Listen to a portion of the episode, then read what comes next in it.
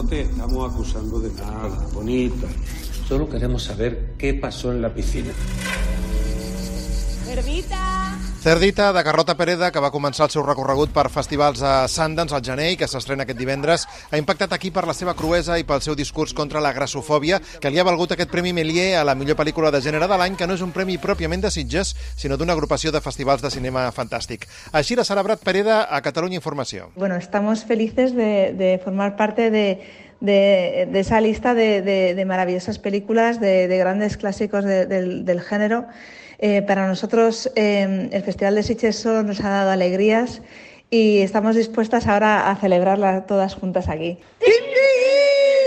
Muy buenas noches, les habla Ángela Vidal. Hoy vamos a acompañar a una patrulla de bomberos. Rec, per la seva part, va marcar un abans i un després en el cinema de terror, no només d'aquí, sinó a nivell internacional, i un dels seus directors, Paco Plaza, ha explicat que Raquel Mosquera, protagonista de la premsa del cor, aleshores, va tenir un paper molt important perquè veient el programa de televisió Aquí hay tomate va veure com el format del reportatge televisiu més aviat cutre podia aportar la veracitat que ja estaven buscant. Ho ha explicat el documental Rec Terror sin pausa i després, en declaracions a Catalunya Informació, ha admès que fins que no la van veure en públic no estaven gens convençuts del seu èxit. Diego ha metido unas imágenes del Festival de Venecia. Ese fue el momento impactante para nosotros. El compartirlo en un cine lleno y decir, pero hostia, es que la película funciona. Es como una peli tan insólita y tan diferente al resto que no la podías medir como por un patrón convencional, ¿no? De, te descolocaba de alguna forma. Y luego la ves con una sala llena de gente y ves que despierta así ese entusiasmo, el, el éxito lo hizo el público, más sí, sí. que nosotros. I atenció, pels fans, Plaza ens ha dit que no descarta una Rec 5 amb Jaume Balagueró. O sea, yo creo que los dos tenemos ganas porque nos vemos poco últimamente.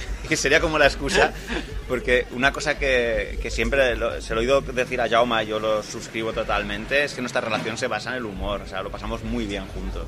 Si para eso vamos a tener que hacer Rec 5, pues la haremos, yo que sé. El documental sobre Rec, dirigit per Diego López Fernández, s'estrena el 28 d'octubre. Pablo, graba